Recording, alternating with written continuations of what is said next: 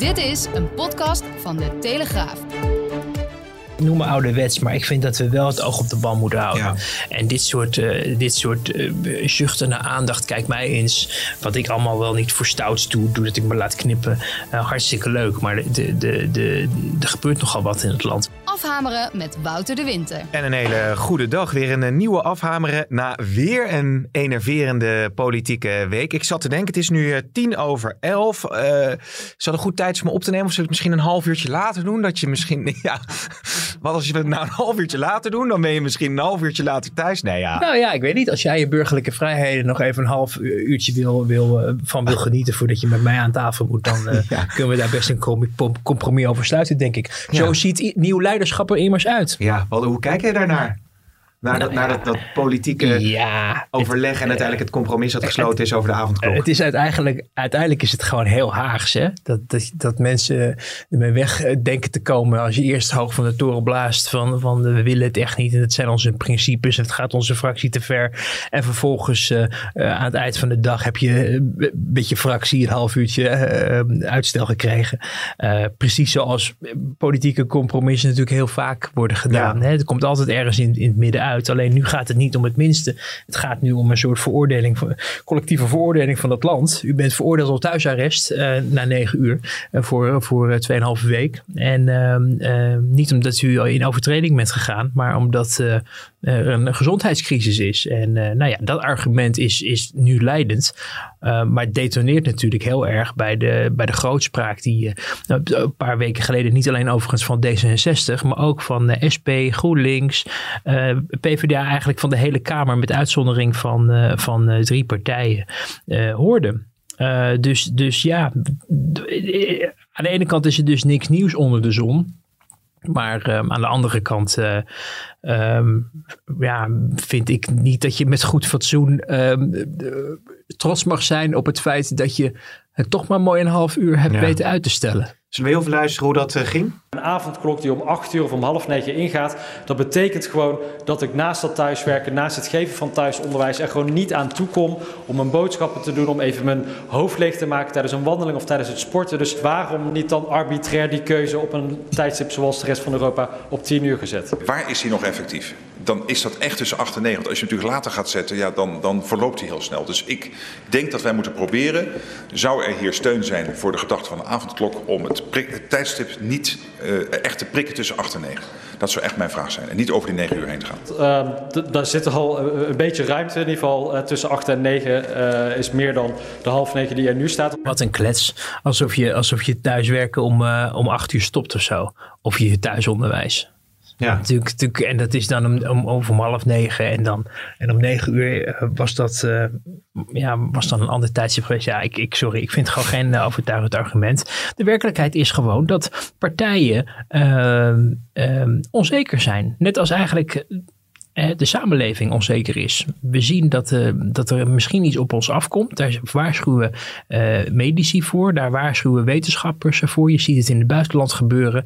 Ehm, het is ook niet goed of het deugt niet. Hè? Want we hebben in het voorjaar gezien dat het kabinet veel verwijten werd gemaakt. Dat ze niet sneller hebben geacteerd toen er in andere landen eh, dingen ontspoorden. In Italië, in New York, eh, in Amerika dus, eh, in Spanje. Toen mochten de vluchten allemaal aankomen en geen haalding naar kraaien. Mensen werden niet gecontroleerd. En toen ineens was het probleem ook in Nederland. Dus het kabinet probeert nu vooruit te schakelen. Weet denk ik eigenlijk ook niet of dit nou... Denk ook niet het ei van Columbus is. Hè. Die onderbouwing die rammelt nogal. Ehm, en de vraag is of je hiermee het virus eh, kan stoppen. Misschien helpt het iets misschien ook niet of heel weinig. Uh, maar die politieke partijen die durven natuurlijk ook niet um, uh, beslissingen te nemen die hen later kunnen worden aangerekend. Dat ze in de, in de tuinstoel achterover uh, zijn gaan leunen ja. op het moment dat het kabinet ervoor waarschuwde. Maar gek genoeg is dit nou juist iets, het, het, het, debatteren over een half uurtje wat dan van cruciaal belang zou zijn, wat misschien de partij meer schade toebrengt. Ja. Dan gewoon zeggen ja of nee. Ja, ja ik, ik miste de, de nieuw leiderschap advertenties vandaag in de kranten die we de afgelopen dagen steeds zagen op het moment dat Rutte in de vuurlinie stond over de val van het kabinet of dat toen, toen Biden geïnaugureerd werd, dat probeerde D66 ook heel erg ja. Hè, nieuwe, wat was het ook weer? Dat, dat Kaag had getwitterd iets van een golf van vernieuwing die hopelijk ook in Nederland aanspoelt. Nou, kostelijk, kostelijk, werkelijk waar. Um, nu bleef dat weg, maar gelukkig hadden wij op de voorpagina uh, Ere wie Ere toekomt wel nog even aandacht uh, voor D66 natuurlijk vanochtend. Ja, groot op de, op de voorpagina in ieder geval. Wat ik, wat ik ook wel interessant vind toch Wouter is Wilders die trok veel van leer tegen Rutte. Ik sprak hem dinsdag in de Tweede Kamer. En toen was hij eigenlijk nog wel wat gematigder. Toen zei hij van nou, het, het, het is niet het eerste waar ik aan denk. Eh, ga dan eerst uh, die inkomende vluchten uh, tegenhouden. denk aan andere maatregelen. Ik ben nog niet overtuigd. Als, als er wel overtuigd komt van, van het OMT-bewijs, dan zou ik het misschien steunen. Zijn toon was wel veel feller in het debat. Zij koos weer helemaal de andere kant. Ja, dat is de, de strategie die Wilders eigenlijk al sinds het aantreden van dit kabinet en misschien zelfs daarvoor ook al uh, uh, bezigt. Hè? Dat uh, Wilders gelooft in een keiharde oppositie. Er moet voor Nederlanders iets te kiezen zijn. Die moeten zich vertegenwoordigd voelen. Dat er een koers is van het kabinet en van de coalitie. En nu van een overgrote Kamermeerderheid die dit wil. En er moet, vindt hij, ook gewoon um, een, een, fractie. En ik denk dat hij eigenlijk hoopt dat veel meer fracties dat zouden doen. Maar die, die echt kei en keihard oppositie voeren. Die ook echt laten zien dat niet iedereen in Nederland het eens is met de hmm. koers die er gevaren wordt. Die dus ook afstand probeert te nemen van uh, de eeuwige zoektocht naar compromissen. Wat natuurlijk wel ja, een beetje bij de Nederlandse cultuur past. Hè? Alles uh, samen proberen op te lossen in goede harmonie. Dat houdt ons dan misschien ook veilig. Hier nog geen bestormingen van het parlementsgebouw. Uh, aan de andere kant loop je dan als politiek wel het risico dat uh, kiezers zich afkeren van die politiek en denken, ja, het is toch allemaal één pot nat. Want aan het eind van de dag zijn ze het allemaal met elkaar eens. Ook al hebben ze drie weken of twee weken of één week geleden nog diametraal met z'n allen in meerderheid iets anders gezegd. Ja, maar hij staat er dus wel in de werkelijkheid misschien wat genuanceerder in dan dat hij uiteindelijk in het eh, debat uh, positie inneemt. Nou, laten we, voordat we daar verder over praten, heel even luisteren. Want dat vond ik zelf wel heel interessant. De wappie-discussie die tussen Rutte en Wilders plaatsvond. En als dan de heer Wilders zegt, kijk nou eerst nog eens rustig aan wat al die andere dingen doen, is dat simpelweg onverantwoord, meneer Wilders. Zo ken ik u ook helemaal niet. U heeft altijd ook hier in het bestrijden van dit virus nooit de kant gekozen van de wappies die zeggen er is niks. Van mij mag u maatregelen nemen. Ik heb ook het afgelopen jaar veel kritiek gehad, maar ook veel maatregelen gesteund. Dus kom mij niet aan met wappiegedrag. Als hier één wappie is, dan bent u het eerder dan ik. U moet gewoon kijken naar de feiten. De feiten zijn dat de PVV veel heeft gesteund, maar geen maatregelen die niet nodig zijn. Ja, vond ik heel interessant dit. Het, ja. het ging ook nog wat verder. Hè? Het ging ook echt daadwerkelijk over uh, behandelingen voor bijvoorbeeld kankerpatiënten. En Wilders voelde zich ook daadwerkelijk aangesproken toen mm -hmm. die als wappie werd neergezet. Ja.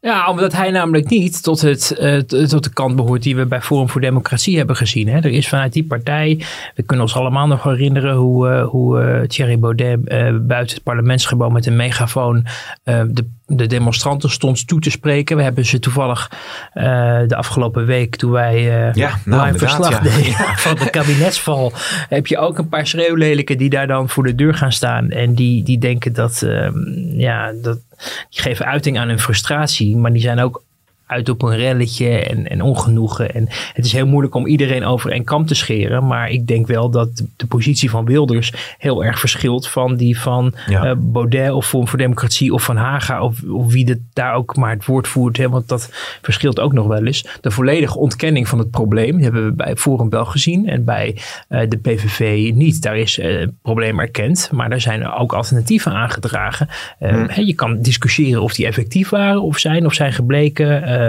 uh, maar er is in ieder geval vaak is het debat serieus gevoerd. Ook Wilders ja. die heeft al die debatten serieus zelf gedaan. Met steun van uh, gisteren van Leon de Jong, als ik me niet, als ik me niet vergis. Uh, maar eerder ook Fleur Agema, die, ja. die ook die, die, die briefings doet. Dus zij, zij vliegen dat echt op een, op een serieuze manier aan. Waar je bij Forum inderdaad geflirt ziet. We hebben het er ook bij Afhamer video over gehad.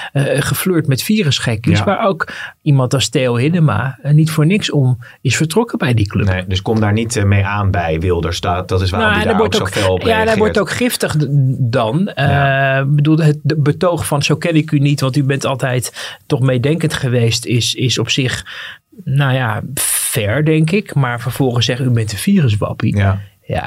dat is ook wel weer Ja. unfair. En weet je nog, Wouter, afgelopen dinsdag toen eh, zouden wij bijna afhameren gaan opnemen. En toen wilde ik eigenlijk eh Baudet nog even eh, spreken. Mhm. Want hij was naar de kapper geweest. En toen uiteindelijk kwam het er niet, niet van. Want wij moesten ook onze opname doen en het debat gaan volgen. En pardoes zag ik die avond een post van Forum voor Democratie. Waarin Baudet zei... Ik ben naar de kapper geweest. eh, nou ja, weg met, met de lockdown maatregelen. Toen dacht ik, potverdorie, hij zit dus expres eh, zijn haar te knippen. Loopt een paar keer langs het lijntje. Mhm. In de hoop dus dat misschien eh, journalisten hem zeggen... Maar meneer Baudet, u bent... En jij was er bij de en ik was er, nou ja, aan de, e- maar dat is natuurlijk het fascinerende als journalist. Want aan de ene kant denk je van ja, dat is toch wel. Eh, als iemand pontificaal eh, geknipt en zonder mondkapje langs dat lijntje loopt, denk je, ik zou, ik zou hem toch even ondervragen. Nou, ik twijfelde sowieso, want ook ik heb iets aan mijn haar gedaan, maar Ja. dat heb ik zelf gedaan. Nee, dat, ja, nee, dat weet ik. Eh, Maar en- dat is, en- dat is dus de en- strategie. Dus, dat, dus dat, eh, dat, dat risico loop je altijd. Ja, het strategie en leuk en aardig. ehm, maar eh, ja, misschien noem me ouderwets, maar ik vind dat we wel het oog op de bal moeten houden. Ja. En dit soort, eh, dit soort eh, zuchten naar aandacht, kijk mij eens. Wat ik allemaal wel niet voor stouts doe, doordat ik me laat knippen. Hartstikke leuk, maar de, de, de, er gebeurt nogal wat in het land. We hebben een val van het kabinet meegemaakt. We hebben die verschrikkelijke toeslagaffaire. Het leed wat daar is, is, is Mhm. aangericht. De nasleep daarvan. de, de, ja, de paniekerige, wanhopige pogingen van het kabinet om maar die groep tegemoet te komen en de geest eh, weer een beetje in de fles te krijgen van verontwaardiging. Ehm, de, het feit dat ons land ehm, wellicht aan de vooravond staat van, eh, van, eh, van een enorme ja, golf aan ellende. Ehm, ja, en dat je dan, kijk, mij is lekker. Ja, Nee. ik, ik vind het. Eh, het is, het, het- ook dat komt op mij op een gegeven moment wel enigszins van, wanhopig Ja. over. Ik geloof toch, en daar ben ik misschien uh, ouderwets in, maar ik geloof wel dat als je in het parlement zit en eh, je neemt dat werk serieus, dat je echt die, die rol, en zeker als je zoveel zetels had in de Eerste Kamer ook, dat je echt een rol van betekenis kon spelen als je je er maar e- e- eendrachtig en serieus op richtte om die machtspositie uit te buiten, zodat je die koers ook daadwerkelijk kon bijstellen. Ja. Die toch heel anders is dan, kijk maar eens lekker stoer toch naar de kapper gaan. Ehm, en daarmee wel heel erg eh, voorbij gaat aan het feit dat je de macht min of meer op een presenteerblaadje kreeg aangeleverd met je, met je grote verkiezingsoverwinning met de Provinciale Staten. En die, en die met al dat gedoe en dat geruzie en, en die gekkigheid, dat gewoon verspeeld hebt. Ik vind Ja. dat gewoon zo zonde en ook heel onverstandig als je echt iets voor je kiezers wil bereiken. Ja, en dan zie je bij Wilders, hij heeft twee grote punten gemaakt in de, in de afgelopen debatten over corona. Dan gaat het bijvoorbeeld over het midden- en kleinbedrijf, over de winkels. Hè. Laten we die nou proberen open te houden. En dan nu inderdaad over die avondklok. Hij probeert echt op de, op de inhoud heel scherp Rutte te overtuigen dat het anders moet. En Ja. dat spreekt misschien een grotere groep mensen aan dan eh, Baudet. Nou ja, op, op zich is wel, eh, en dat zag je ook eh, gebeuren op een gegeven moment, de eerste algemene beschouwingen van Baudet in de, in de Tweede Kamer. In 2017 was dat, toen hij zei van het is allemaal, of waren het de tweede? Nou, hou me te goede. Maar hij heeft op, volgens mij, nou, volgens mij was het de eerste, ehm, gezegd van jullie zich heel erg van jullie zijn allemaal eh, ook hè, de kliek. Jullie doen het hier allemaal maar in de kamer. En, ik, eh, en je zag dat dat niet goed. eh, of ik, ik ga me, dat was het. Ik ga mij niet verlagen tot. Ehm, eh, eh, tot, tot mee debatteren met jullie over de toekomst van het land. En je zag dat er onmiddellijk in de peiling een reactie op kwam. Ja. Van mensen die dachten, ja maar hou eens even. Je moet het wel serieus aanpakken, want we hebben je niet voor niks naar Den Haag gestuurd. Hij is daar later ook van teruggekomen. Hij zei, dat was niet mijn beste optreden. En toen dacht ik, nou ja goed, weet je, aldoende leert men. Het, alle begin is moeilijk. Maar daarna heeft hij, heeft hij dat, vind ik, toch wel een beetje uit zijn vingers laten glippen. En bij Wilders zag je dat hij de afgelopen zomer bijvoorbeeld op het coronadossier uh, heel erg de, de, de op zich heeft weten te richten. En ik denk ook veel kiezers de overtuiging heeft gegeven dat hij het serieus aanpakt. Ja. En je ziet in de peilingen dat hij daar ook mee beloond wordt. Want hij staat nog steeds tweede. En, en echt op, op ruime afstand ook van andere oppositiepartijen. Uh, dus dat is allemaal niet voor niks geweest. Die, die actie toen heel stout en ondeugend met die, uh, uh, met die zorgsalarissen. Dat hij zei de coalitie rent weg. Het is, het is een beeld wat beklijft. Ja. Ja. En, en daar kan hij nu, plukt hij denk ik ook wel met de verkiezingen de vruchten van. Um, Uh, dus ja, hij pakt het op een andere manier aan en is daar ook succesvoller in. Nou, over de kliek uh, gesproken. Dat was natuurlijk het uh, grote punt van Pieter Omtzigt bij het debat van afgelopen dinsdag. Kunnen we nog even naar luisteren? Er is hier zo'n innige band tussen het kabinet en de Tweede Kamer. Dat als je een moeilijke vraag zet, jij het probleem bent in het kabinet. Wij hebben de staat zo ingericht dat onze kliek in Den Haag, onze kliek in Den Haag, en dan zeg ik onze, hoewel ik, hoewel ik een van de langzittende Kamerleden ben, doe ik het best om er buiten te blijven. Onze kliek in Den Haag meer kijkt naar de partijvoorzitter dan de kiezer. En dat zullen we moeten veranderen. Voel je eigenlijk aangesproken, Wouter? Want hij heeft het over de kliek, dan noemt, dan noemt hij de, de, de, de politici, uh, of de, de, de, ministers, de Kamerleden, de media, de rechterlijke oh, macht. Het, ik, ik heb er helemaal geen moeite mee dat, dat, dat iedereen in, in, in Den Haag, of je nou uh, lid bent van het kabinet of van de Tweede Kamer, of in de journalistiek, of in een ander uh, gremium wat behoort tot ja, de groep mensen die bij die politiek betrokken zijn, in welke hoedanigheid dan ook, dat je elkaar scherp houdt. En dat je zegt, hé, hey, hier gaan dingen niet goed. Waar ik moeite mee heb, is dat je vroeger zegt, ja, ik, ik hoor daar eigenlijk niet bij. Mm. Ik sta daar buiten of ik probeer daar buiten te blijven of zo. Voor iemand die sinds, dat, ja. sinds, 2003 in de Tweede Kamer zit. En um, kijk, ik ben, loop iets langer mee dan de tijd dat Twitter bestond of dat de kabinetten Rutte regeerde. Ik heb ook nog Balkenende meegemaakt. Toen het CDA de grootste partij eh, van Nederland was. En dat was een, een tijd, hè, als je het over Haagse kliek hebt en het gebrek aan dualisme in de Tweede Kamer. Het CDA heeft het ongeveer uitgevonden. Mm op alle niveaus, op alle, alle fronten. We hoorden daar nooit iets over vanuit het CDA. Iedere, ieder Kamerlid eh, werd, werd als een soort, kreeg een soort lijfwacht mee, een woordvoerder die overal voor ging liggen. Eh, en zelfs de, de spreeklijnen schreef voor de Kamerleden die ze aan journalisten uh, mocht vertellen. Nou, het gebeurt nog steeds om zich. wordt ook nog steeds vergezeld door een woordvoerder. Uh, en, en de enige manier om hem nog te spreken zonder dat er iemand meekijkt of meeluistert is door hem op te bellen. En dan hopen dat hij zin heeft om de telefoon op te nemen. Maar dat, dat, dat geldt voor, voor alle Kamerleden. Um, en dat geldt eh, zeker ook in de afgelopen jaren. Um, je ziet het wel eens als nu Pieter Heerma vroeger Sibrand Buma zijn loopje neemt van zijn fractiekamer naar de ingang van de Tweede Kamer. Loopt altijd iemand mee. Vroeger was het Pieter ja. Heerma zelf die dan ja. zijn woordvoerder was. Ja. Een soort lijfwacht. Die was vroeger judoka, dus die ziet er al een beetje zo uit. En, uh, Wie was judoka vroeger? Uh, Pieter, oh, Pieter Heerma. Pieter Heerma. Pieter Heerma. Ja, natuurlijk redelijk. Uh, ja. precies. En, en daarna waren het zijn opvolgers die, die meelopen. En nu loopt er iemand anders met hem mee. Weet je, het is, het is en op allerlei verschillende manieren. De manier waarop Kamerleden Koppen, Jan en Ferrier zich keerden tegen de samenwerking, hè, de mm. dissidenten.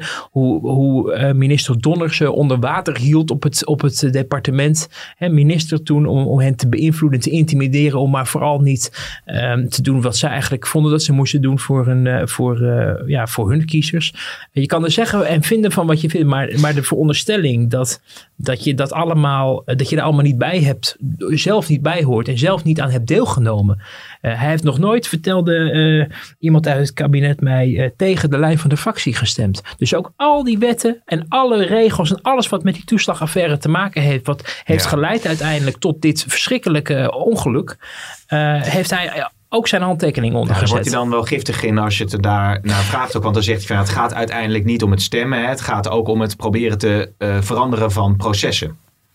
Ja, nou heel goed. En, dus, en zo hoort het ook. Maar het is, eh, even een voorbeeld. Het onderzoek naar de oorlog in Irak. 17 keer vertelde een van de, de, de vragenstellers mij daar deze week over. Hebben ze het geprobeerd om er doorheen te krijgen. Uh, bij de CDA-fractie en bij de mm-hmm. CDA-premier.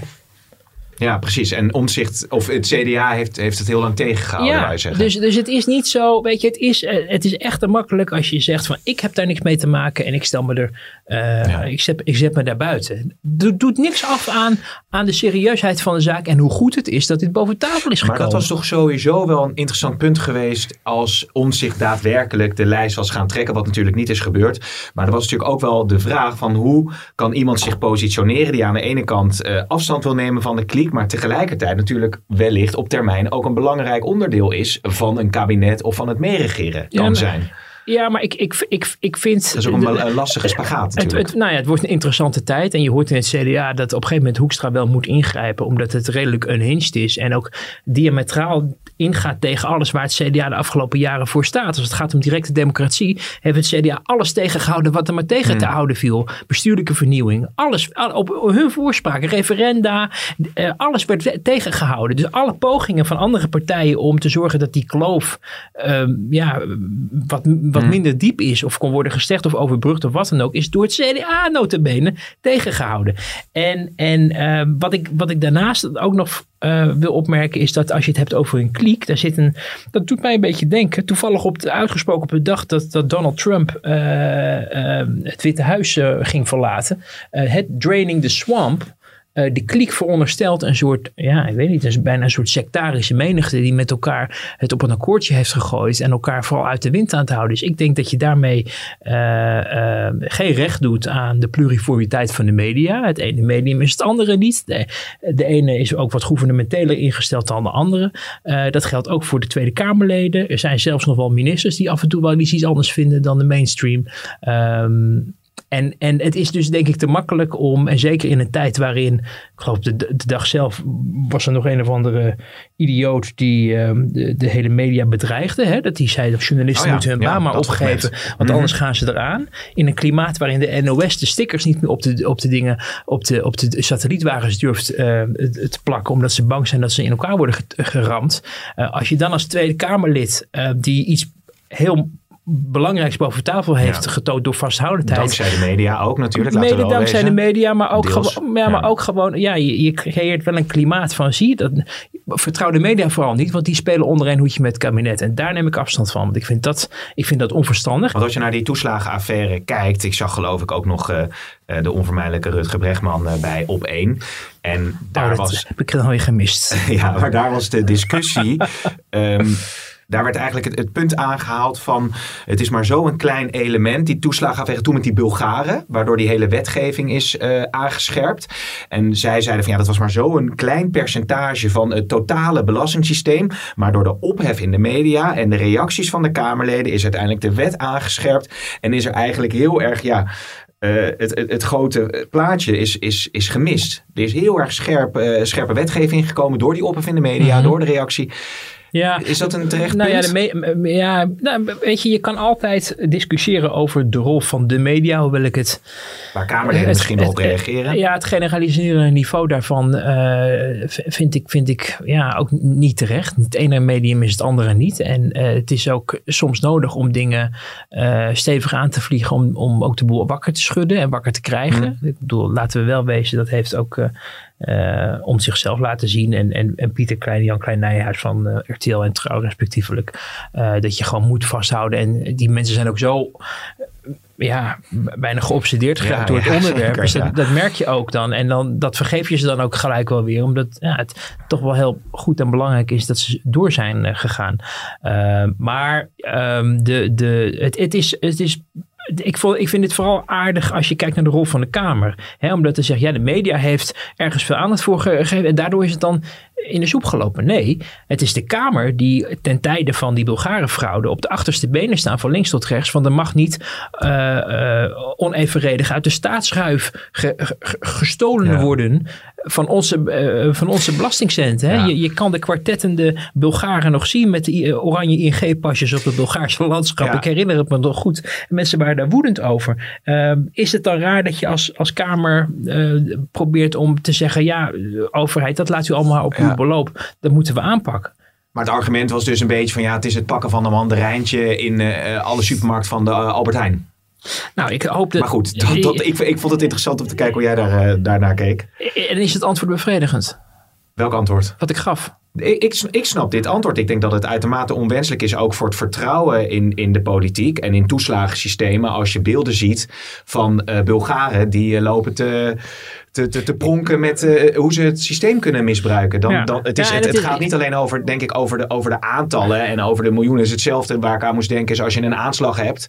Dat je zegt van ja, maar ja, als je naar heel Europa kijkt en er is één slag. De, die discussie heb ik ook heel vaak ja, aan What's aboutism. Uh, precies, dus, dus in die zin. Maar het is ook wel weer, wel weer interessant om naar te kijken. Maar als je nou even heel extreem stelt, hè, Wouter. Had, moet om zich dan, als hij zo fel uithaalt naar die kliek, misschien niet uit het CDA eh, stappen en Nou, echt eh, een- scherp eh, aan de wind oppositie gaan voeren. Interessante eh, observatie van je, want ik. eh, dat, dat ging ook wel een beetje rond deze week in Den Haag. Dat je mensen ook wel hoorden zeggen: ja, als je, zo, als je dit vindt en er zo in zit, dan is het bijna een kwestie van tijd dat je eh, je eigen partij gaat beginnen. Nu is de man ehm, ja, toch wel eh, door en door CDA en wordt hij op handen gedragen ook door zijn Overijsselse afdeling van CDA. Eh, dus ik weet niet of het zover zal komen, maar het deed in ieder geval een aantal mensen eh, bij andere partijen wel veronderstellen van goh. Ehm, het is zo niet wat je gewend bent van het CDA. En ook de manier waarop eh, Piet Hein Donner, eh, hè, die minister van Staat, hè, notabene, nog door Sibrand Buma, zijn vorige partijleider, eh, naar Rutte eh, geduwd van kijk, kan je hem minister van Staat maken? En, en eh, Donner is CDA, CDA is Donner, Bal- premier Balkenende in, het vorige, in de vorige kabinetsperiode onder, onder, onder Balkenende. Dus die man was een soort heilige. Die is over- vicepresident van de Raad van State geweest. En nu werd hij door omzicht Ja, afgesteld als een ja. monster. Ja. Werkelijk waar. Die man had, had, eh, stond symbool voor alles wat er verkeerd was aan, aan Den Haag. En eh, nou, dat kan je vinden. Maar dan zou ik zeggen, tijd voor een royement. Hè? Want het kan niet van, je kan niet, je kan niet op twee, het kan niet alle twee waar zijn. En dat, dat verbaasde wel heel erg. Omtzigt is een emotionele man. Eh, is zit hier ook heel erg emotioneel in. Daarom hoor je ook wel dat ze ook in het CDA daarom ook wel het een en ander vergeven. Niet alles is even handig. Hè? En soms heeft hij er zelf ook wel een beetje spijt van, begrijp ik. Op de manier waarop hij zich heeft uitgedrukt. Maar het is ook een gevoel van onmacht en frustratie. Dat hij al die maanden, Ja. eh, maanden, jaren En het loopt eh, nog steeds bezig, natuurlijk. ja, bezig is geweest. En nog steeds bezig is. Ja, zeer boeiend. Ehm, overigens, over het debat van eh, donderdag. Hè, we zitten nu op vrijdag. Was er ook nog wel een eh, interessant moment. Rutte dacht namelijk zichzelf een eh, grapje te kunnen veroorloven. Alleen u zou dan vervolgens mij kunnen vragen: kun je garanderen dat die avond. Dat kan ik niet. Want ik, ik, het kan, maar dan is het wel zo dat de Kamer specifiek over die avondklok. Kijk, u kunt ons niet meer wegsturen als kabinet. Dus strikt genomen hebben we nu meer macht dan voor vorige week vrijdag. Zou je gek genoeg kunnen zeggen. Nee, ik ben even flauw aan het doen. Maar op die avondklok niet. En ik ben een beetje aan het doordenken. eh, de opmerking dat een dimissionair kabinet meer macht heeft. Nee, eigenlijk, nee. Dat is niet waar. Nee, nee, nee, nee. nee. Alleen ze, ze kunnen ons niet meer wegsturen. Ja. Nee, niet twee keer. Ja, maar ik vond dat wel, ik vond dat wel een beetje een stomme opmerking eigenlijk van Ja. Rutte. Mag Ja, ik zo het- vrij zijn? Ja, nou ja, heel pijnlijk eh, vind ik het wel hoor. Want, want ehm, eh, en, en dan kan je de frustratie ook, ook want Omtzigt reageerde daar ook weer op. Hè, naar aanleiding van, van wat hij hier heeft gezegd. Eh, maar dit is hoe Rutte in het leven staat. Dit, is, dit gaat op, op alle niveaus. Dus als hij boos is, zijn legendarische woedeuitbarstingen, wordt er ook altijd bij gezegd, ja, maar daarna is het ook heel snel weer over. En dat geldt ook met het rouwbeklag. Het rouwbeklag van vorige week, van het is allemaal zo erg. En trouwens dinsdag nog in de Kamer over zijn eh eh, overgevallen kabinet. En, en nu zijn we weer twee dagen verder. En die gaat hij over tot de orde van de dag. En zit hij toch heel optimistisch in het leven. Ja. En, en is hij dus iemand die eh, alweer het feit dat het kabinet gevallen is officieel achter zich heeft gelaten. Omdat hij sindsdien ook alweer met 33 andere dossiers bezig is. En, en, en gewoon in feite gewoon doorgaat met wat hij Ja, maar en toch... ehm, eh, Wat ik overigens, maar, maar als ik nog even Ja. mag afmaken. eh, dit is hoe hij in het leven staat. Ik zeg niet dat dat, dat, dat per se deugt op dit moment. Ik denk wel dat je je rekenschap moet geven in het openbaar. En zeker niet dit soort grapjes eh, moet maken. Eh, alleen dit is zoals hij is. Daarmee Ja. praat ik het niet goed. Maar dit is wel de aard van een beestje. Zo staat hij in, de, Ja. in het leven. Nou, maar wat ik interessant vond, want eh, de VVD wilde vrij lang vasthouden aan het eh, missionair houden van het kabinet. Om zeker te kunnen zijn van een goede aanpak van de coronacrisis. Toen hebben ze gezegd van nou, we worden demissionair. Maar die coronacrisis die eh, blijft bij ons in goede handen. Het eerste debat wat je nu hebt over maatregelen is een demissionair kabinet. Wat met alle partijen in Den Haag moet gaan over, onderhandelen over een avondklok. Dus je, dus je ziet dat het aan de voorkant eigenlijk niet meer goed geregeld kan worden. En dan krijg je dus een hele week gedebatteerd over een avondklok. Of zie ik dat te scherp? Nou, in, in het kabinet en bij Rutte zullen ze tevreden constateren dat het precies zo is gegaan zoals ze wilden. Ja, maar het plaatje naar de buitenwereld is dat er een hele week gesteggel is over een avondklok. Ja. Ik was dinsdag in Den Haag. Segers die zei, nou, ik weet het nog niet. Toen zei, nou, ik weet het nee, nog maar niet. ik heb toch het idee dat het meer afstraat voor de mensen die overstag zijn gegaan dan op het kabinet. Het kabinet wilde eh, deze avondklok, die hebben het gekregen. Ja. En met, een- met een half uurtje uitstel. Nou, En hij zal ik- denken achter de schermen van het lukt me toch wel. Het maakt dus niet zoveel uit. Ja, daar is, zal hij ook veel. Kijk, ja, ja, ik denk het wel. Hij zal er ook wel veel moeite voor hebben gedaan achter de schermen om mensen te overtuigen. En je moet nooit onderschatten hoe het contact achter de schermen is tussen de Kemphanen in de Tweede Kamer. Je ziet Hmm. dat, eh dat Klaver hem de maat neemt en Wilders hem de maat neemt. Nu is de, de, de band met Wilders is professioneel gewoon goed. En het is echt niet zo dat Rutte en Wilders elke dag met elkaar aan het appen zijn. Maar ehm, zoals ik in mijn column schreef, of in mijn reconstructie schreef van de kabinetsval van, eh, die ik samen met Inge reconstructie heb gemaakt. ehm, en die over we- de rol van Wiebes. En, ja, eh, die we zaterdag en ook maandag stond hij in de krant. Ehm, dat eh, Klaver al de zaterdag voor de kabinetsval heeft gebeld met Rutte om te zeggen dat hij vertrouwen in het kabinet ging Ja. opzeggen. Zo gaat dat dus achter de schermen met die oppositie. Die gaat de premier alvast waarschuwen van luister, we, we zeggen het vertrouwen in je op op televisie morgen. Niet in de Tweede Kamer, zoals het toch zo zou moeten, na het debat of wat, hè, na de verantwoording. Nee, we doen dat al, want ehm, nou, de veronderstelling is dat eh, in een komende kabinetsperiode de VVD wel eens de grootste partij kan worden. En dan zal Rutte ook met, met, Ja. eh, met Klaver eh, door één deur moeten. Dus Die je- ook, die ook van alle Kamerleden toen die dinsdag eh, eh, vrij constructief was als het over die avondklok ging. Toen al zei van nou, we, we luisteren naar de experts en we, we houden niks op voorhand tegen. Ehm, het, het worden weer plusminuten volgens mij. Ik, ik, bonusminuten. Pim. bonusminuten. Maar Eh, eh, dan- ik kijk even naar rechts, zo lang zijn we bezig. Nou, dan, dan, dat is alleen een maar goed, want dan rennen de mensen die zitten te luisteren nog gewoon een extra rondje. Oh ja, nu, maar eh. wel op tijd binnen zijn weer natuurlijk. Hè? Want als er nu onze podcast zo lang duurt, zijn ze niet om negen uur binnen. Ja. Misschien dat je dat ook als verklaring kan geven. Ik, eh, ik wilde toch nog even één serieus punt eh, aanhalen tot slot. Want ik denk dat dat misschien wel de kern is eh, ja, van wat er allemaal in, in de politiek natuurlijk ja, ge- gedebatteerd en besloten wordt. Uiteindelijk raakt dit de samenleving van jong tot oud, die coronacrisis. En het was toch wel een belangrijk punt, denk ik, wat Jesse Klaver van GroenLinks aanhaalde. Mijn hart brak vanochtend toen ik een, een rouwadvertentie las van, van ouders die beschreven over hoe hun kind op de middelbare school eigenlijk niet tegen die quarantaine kon. En er niet meer is. Dat is ook een gevolg van wat wij doen in deze crisisbestrijding. Ja, ja, best belangrijk. natuurlijk. Ik krijg er rillingen van als ik het fragment hoor, eerlijk gezegd. Eh, Mhm. Toen ik ook die advertentie al zag, je had hem volgens mij ook al. eh, Ja, ik, ik, ik had hem ook geretweet, omdat hij zoveel eh, eh, indruk maakte.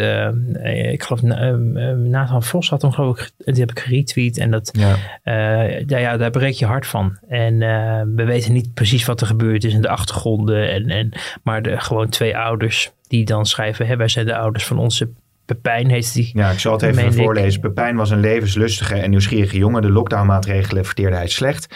Hij miste contact en structuur. Hij zocht iets dat spannend was, maar waarvan zijn overmoedige puberbrein de consequenties niet kon overzien. Pepijn is omgekomen door een monoxidevergiftiging in combinatie met drugs.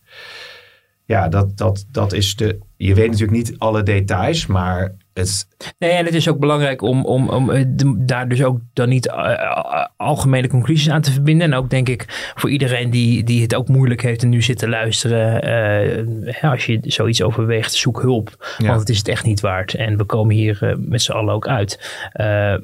Maar het geeft wel aan hè, dat zoiets ook in de Tweede Kamer bovenkomt. ehm, dat er nog veel meer aspecten aan deze coronacrisis zijn dan wat het OMT aan het adviseren is. En dat probeer ik af en toe ook wel eens in, in duidingen ook, ook, ook wel aan te geven. En ehm, mijn, mijn indruk is af en toe wel dat omdat eh, ook het kabinet, maar ook het OMT, die zijn allemaal zo erg gefocust op dat ene aspect, namelijk die cijfers terugbrengen. En dat snap je ook. Het gaat om de volksgezondheid, het gaat om bezetting in ziekenhuizen. En, en je wil niet dat er ambulancefiles ontstaan. Iedereen, ieder weldenkend mens zal het daarmee eens zijn. Uh, maar de keerzijde van al die maatregelen op maatregelen op maatregelen, in combinatie met een gebrek aan perspectief en een exit-strategie.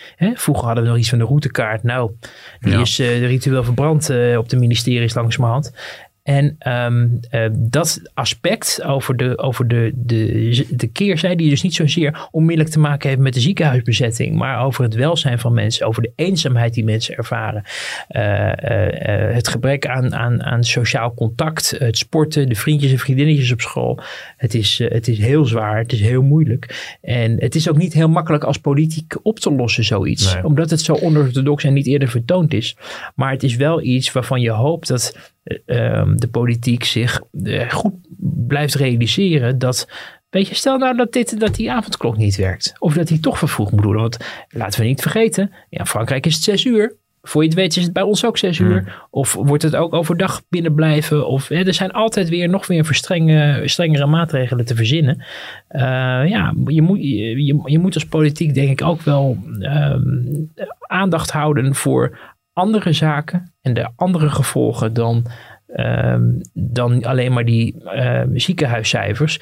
Maar goed, Klaver zegt dat ook. En vervolgens gaat hij er wel mee akkoord. Ja. Dus uiteindelijk wordt er toch een afweging gemaakt. En weegt het medische belang eh, eh, ja, zwaarder. Maar wat wel zo is, is dat als je het over perspectief hebt, heb ik ze nog niet vaak zo helder horen zeggen. Die scholen, die, die basisscholen, die, die willen we per se om eh, in de week van 8 februari weer open doen.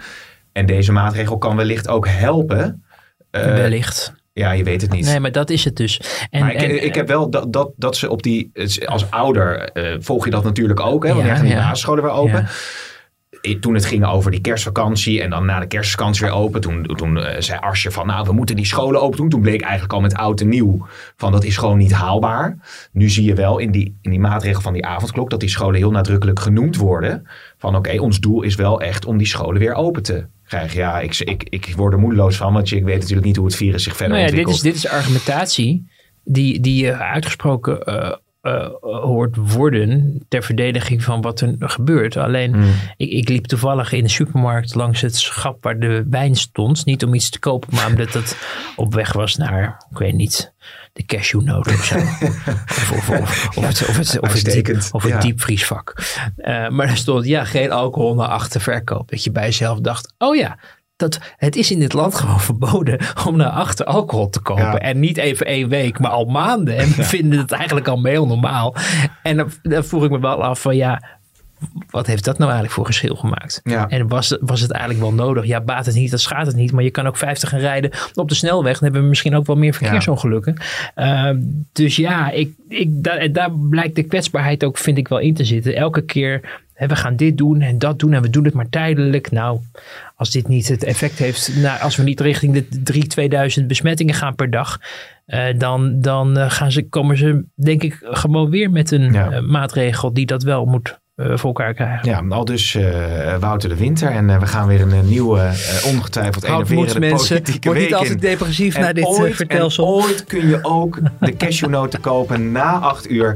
En gewoon een goede fles rode wijn kopen bij eh, de Dirk van den Broek. Nou, dat, nou goed. Ik had natuurlijk moeten zeggen, alle gezonde producten van, van biologische eh, magere melk en, Nee, als en de- broccoli. Als jij de ongezouten cashewnoot eh, neemt, dan zit je dankjewel, op een goed spoor. Wouter, dank.